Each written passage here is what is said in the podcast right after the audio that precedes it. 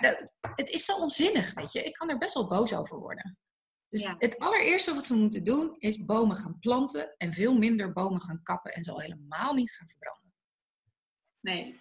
Nou, je bent lekker op dreef vandaag, Jorien.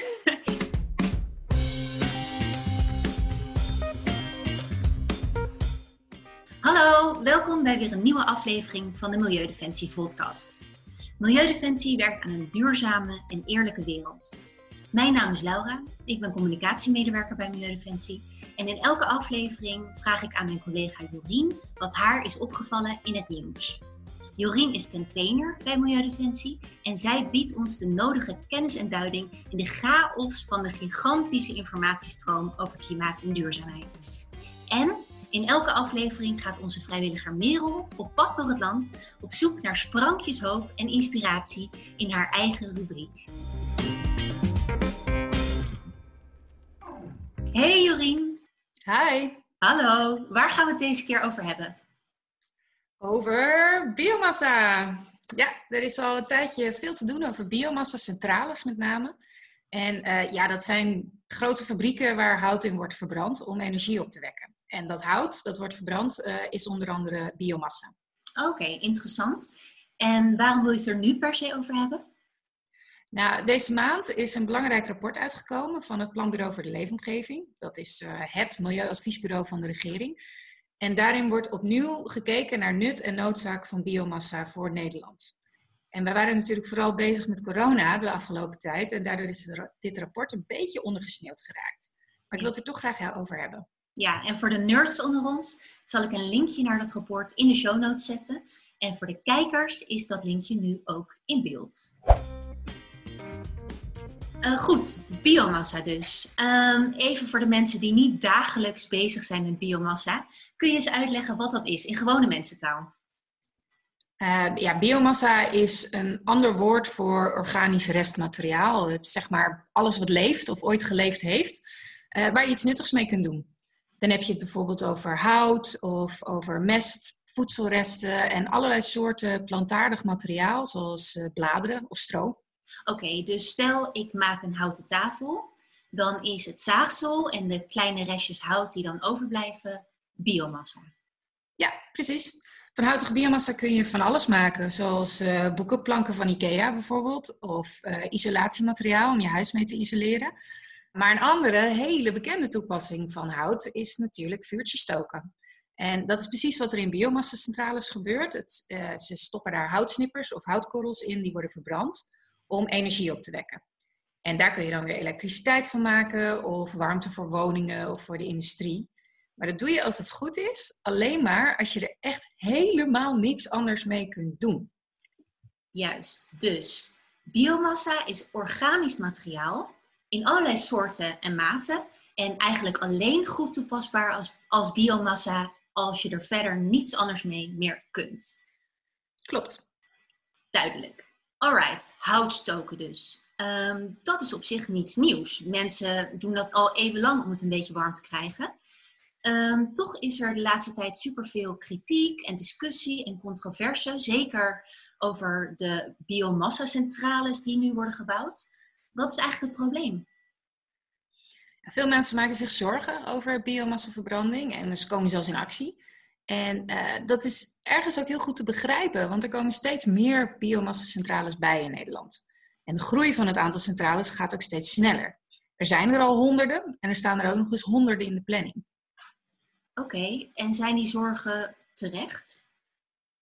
Ja, eerlijk gezegd kan ik me er ook vreselijk over opwinden. Bij mij om de hoek is onlangs een uh, biomassa-centrale uh, vergund, dus die gaan ze bouwen. En toen ik dat hoorde, ben ik direct van mijn warmtenet afgegaan en heb ik een warmtepomp aangeschaft. Want ja, ik wil daar gewoon uh, niet van afhankelijk zijn, van houtverbranding. Oké, maar leg het me alsjeblieft uit. Want ik zou denken, mooi zo, biomassa is organisch, meestal duurzaam. Toch? Is het duurzaam? Nou, dat is nou net het punt. Um, zoals we net al zeiden, is biomassaverbranding eigenlijk alleen duurzaam als het als restproduct wordt gebruikt. Maar biomassa is pas een restproduct als je er verder niets anders meer mee kunt. En dat is waar het misgaat. Want? Nou, van het echte restproduct is maar heel weinig beschikbaar. Dat gaat om uh, takken en, en bladeren en uh, nou ja, afval in sommige gevallen ook. Maar als het om hout gaat, is er gewoon niet zo heel erg veel. En het restmateriaal wat je hebt, kun je in bijna alle gevallen wel iets nuttigers voor verzinnen om met die biomassa te doen. Zoals uh, wc-papier persen of uh, weet ik veel, tandenstokers maken. Uh, hout is een heel erg nuttig product. En voordat je dat gaat verbranden, moet je eerst een heleboel andere opties afstrepen. Oké, dus biomassa is niet per se duurzaam. Hoe werkt dat technisch precies?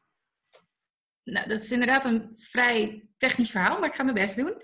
Uh, het zit zo, uh, bomen die slaan uh, CO2, slaat CO2 op, daar groeien ze van. Dus het zit in hun takken en hun bladeren. Als je die takken en bladeren verbrandt, komt de CO2 weer in de lucht. En zoals we weten, CO2 in de lucht veroorzaakt klimaatopwarming. Met alle gevolgen van dien. Maar dan planten we toch gewoon nieuwe bomen bij. Opgelost zou ik zeggen. Ja, dat is inderdaad een veelgehoorde theorie. Dat als je op hetzelfde moment dat je een boom kapt en verbrandt, tegelijk ook weer een nieuwe boom aanplant, dat je dan de eerder uitgestoten CO2 weer veilig opslaat in de nieuwe boom. Dat is de theorie, zeg je. Maar wat is de praktijk? Nou, bomen doen er in de praktijk tientallen jaren over om te groeien. En dus ook om de CO2 weer op te nemen. Terwijl een boom in een biomassacentrale in een paar seconden is opgefikt. Dus dat staat helemaal niet met elkaar in verhouding. Eh, en als je er dan over na gaat denken dat we wereldwijd nog maar tien jaar hebben om een flinke daling van de CO2-uitstoot voor elkaar te krijgen, dan hebben we dus helemaal geen tijd om te wachten op nieuwe bomen en nu ondertussen maar een heleboel bomen uh, ja, via de pijp uh, de lucht in te blazen. Helder uitgelegd. Biomassacentrales hebben dus mogelijk rampzalige gevolgen voor het klimaat. ja, en het wordt zelfs nog een stukje rampzaliger. Want behalve de schade die het doet voor het klimaat, is het verbranden van hout ook funest op heel veel andere gebieden. Uh, boskap en houtverbranding zorgt bijvoorbeeld ook voor luchtvervuiling, uh, waardoor mensen ziek kunnen worden. Uh, boskap is de oorzaak van afname van biodiversiteit. De productie en het transport van die houtkorrels voor die biomassacentrales zorgt voor nog veel meer CO2-uitstoot. En dan hebben we het nog niet eens gehad over de dieren en de lokale bevolking die worden beroofd van hun bossen, waar ze heel vaak van eten en leven. Wat een ellende. Maar als dat echt zo is, dan zou onze overheid daar toch wel een stokje voor steken? Treffende woordspeling, maar uh, nee, helaas. Uh, onze overheid heeft besloten dat het verbranden van hout voor energie als CO2-neutraal gezien kan worden. Het wordt dus meegerekend als duurzame energie, omdat volgens hen een nieuwe boom de CO2 van de verbrande boom ook weer op kan nemen. Maar dat meen je niet. Die theorie hebben we net weerlegd, toch? Uh, ja, precies. Het is dus ook een verkeerde redenatie. En toch blijft het razend populair bij politici. Nederland is inmiddels zelfs zo afhankelijk geworden van biomassa om de duurzame energiedoelstellingen te halen, dat er vele miljarden subsidie worden uitgedeeld om maar zoveel mogelijk biomassa-installaties te bouwen miljarden subsidies. Hoe kan dat? Lagen we te slapen bij Milieudefensie of zo? Nou ja, de wetenschappers en milieuorganisaties slaan altijd de alarm. Uh, in 2013 bijvoorbeeld is in Nederland het energieakkoord gesloten. Daarbij is het allemaal begonnen. Want in dat akkoord is gelukkig heel veel ruimte gecreëerd voor windenergie en voor de opkomst van zonne-energie. Maar helaas ook voor biomassa. De milieubeweging zag dit toen al niet zitten. Uh, maar ja, het is niet gelukt om dat tegen te houden. En vanaf toen, vanaf dat energieakkoord, schoten de biomassacentrales als paddenstoelen uit de grond. Ondanks dat ze dus zonder subsidie helemaal niet rendabel zijn. Echt, eh, die hele berekening die kent gewoon een heel hoog bierveeltjesgehalte. Een bierveeltjesgehalte, oké. Maar onze overheid is slimmer dan dat, toch? Welke sterke lobby zat hierachter? Wie heeft hier nou profijt van dan? Ja, dat zijn toch de basis van de biomassa-installaties. Die kunnen dankzij langjarige subsidies redelijk risicoloos produceren. En hun productie ook weer redelijk gegarandeerd verkopen, omdat het beleid is. En inmiddels komt ruim 60% van al onze officiële duurzame energie uit het gebruik van verschillende soorten biomassa. Dat is echt heel erg veel. En er valt dus ook heel veel geld mee te verdienen. Oké, eh, even terug naar dat rapport, dat nieuwe rapport van het Planbureau voor de Leefomgeving, het PBL, de milieuadviseur van onze regering. Wat zeggen zij hierover? Ja, het planbureau constateert net als de overheid dat Nederland de doelstellingen voor overheid dat Nederland de doelstellingen voor duurzame energie niet haalt zonder biomassa. Huh? Het PBL vindt dit ook? En dat komt omdat Nederland structureel te weinig kiest voor echt duurzame energie, zoals zon, wind en bijvoorbeeld uh, besparing door isolatie. Dan is de enige overgebleven oplossing om de boekhouding kloppend te maken biomassa. En voor de helderheid, dit is dus op papier zo, hè? niet in de praktijk. Het is dus niet werkelijk uh, eh, CO2-neutraal of duurzaam. En waarom is het PBL zo weinig kritisch? Nou, het PBL ziet de gevolgen van biomassa heus wel. Maar kijk, als jij besluit dat je in een stenen huis wil wonen, dan heb je ook stenen nodig om dat huis af te krijgen. En zo is het ook met biomassa gegaan. Het PBL baseert zich vooral op staande praktijk en niet per se op hoe dingen zouden moeten zijn. Oké, maar ze vinden dus wel dat het anders moet en kan. Ja, ja, het planbureau stelt een interessant probleem aan de kaak bijvoorbeeld, dat we nog helemaal niet hebben besproken. Namelijk dat de duurzaamheid van biomassa heel moeilijk te controleren is en te handhaven. En hier heeft de PBL terechte kritiek op. Er zijn wel bepaalde duurzaamheidseisen en er is ook certificering, maar de controle daarop is heel erg lastig uit te voeren. Hoe kan dat? Nou, voor biomassa worden vaak uh, productiebossen uh, gekapt in verre landen. dat is officieel voor bijvoorbeeld timmerhout en de restjes, die gaan dan naar biomassafabrieken. Maar leveranciers kunnen er vrij gemakkelijk hele bomen tot houtkorrels malen en dan beweren dat ze alleen nutteloos resthout hebben gebruikt. voor Nederland is dat bijna onmogelijk te controleren. Er is geen haan die er naar kraait. En zo kan fouthout dus worden gebruikt om de klimaatboekhouding van ons land bij wijze groen te wassen. Hmm, dus naast uh, Schumel diesel is er ook Schumel hout. Pijnlijk genoeg, uh, ja. Oké. Goed, even genoeg over uh, dit gigantische en veelomvattende probleem. Wat moet er gebeuren volgens jou? Wat is de oplossing? Daar heb jij vast ideeën over. Ja, ja nou, allereerst, we moeten niet langer stoken, we moeten stekken. Zowel in eigen land als in een heleboel andere landen. Want weet je, vitale en gezonde bossen, die zijn echt van levensbelang. En uh, misschien kan ik met een, een voorbeeld uitleggen waarom. Als je kijkt naar de boom, hè, dat is misschien wel het meest vernuftige, vernuftige technologische hoogstandje wat we kennen als het gaat om CO2-opslag. Uh, Zo'n zo boom heeft water nodig, een beetje zonlicht, groeien maar en hij lost ons hele klimaatprobleem voor ons op. Gratis en voor niks. En als ik er dan aan denk dat er nu industrieën aan het opstaan zijn uh, die uh, hout in echt miljoenen kilo's tegelijk opfikken, zodat wij het even een beetje warm krijgen. Ja, dat, het is zo onzinnig, weet je. Ik kan er best wel boos over worden. Dus ja. het allereerste wat we moeten doen is bomen gaan planten en veel minder bomen gaan kappen en zo helemaal niet gaan verbranden. Nee, nou, je bent lekker op dreef vandaag, Jorien. Wat is het volgende punt? Uh, nou ja, als je dan nog biomassa moet gebruiken of denkt dat dat moet, eh, beperk je dan ook alleen tot het echte restmateriaal. Dus uh, materiaal uh, waarvan je weet dat je er echt helemaal niks anders mee kan doen. verder vinden wij van Milieudefensie heel erg belangrijk dat er alleen regionale biomassa gebruikt wordt. Met name omdat dan de controle en de regelgeving veel beter is dan wanneer het heel ver weg gebeurt buiten ons zicht. Um, en ja, wat ook heel belangrijk is, het is een open deur, maar wel heel belangrijk. Je moet stoppen met het bouwen van biomassa-centrales. We hebben er echt meer dan genoeg om het restmateriaal wat wij kunnen verbranden te verbranden. Dus je moet onmiddellijk de subsidies ervoor stopzetten. als jij zo nodig biomassa wil verbranden, dan moet je je eigen broek maar gaan ophouden. Um, en ja, dat brengt me ook bij misschien wel het laatste punt. Uh, we moeten er vooral voor zorgen dat we die biomassa helemaal niet meer nodig hebben. Dus we moeten inzetten op echt duurzame oplossingen. Uh, zon en wind als je elektriciteit wil opwekken. Um, en als je warmte nodig hebt, dan moet je vooral gaan besparen op je warmtevraag. Met andere woorden, we moeten allemaal als een dolle onze huizen gaan isoleren, zodat we helemaal niet meer fikkie hoeven te stoken voor een warm huis. Oké, helder Jorien, duidelijk.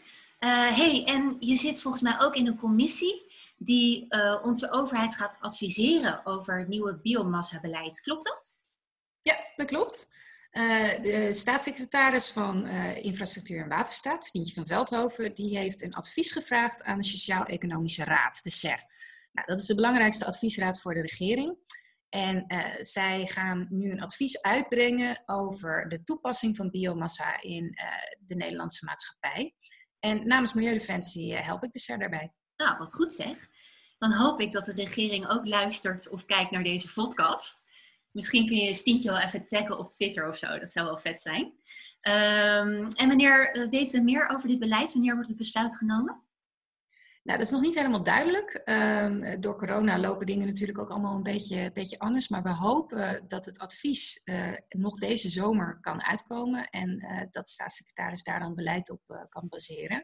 het PBO-rapport, waar we het dus deze podcast over hadden, dat is in ieder geval een belangrijke bouwsteen voor, voor dat advies. Dus hopelijk komen we nu weer een stapje verder. Nou, zeker. wordt vervolgd.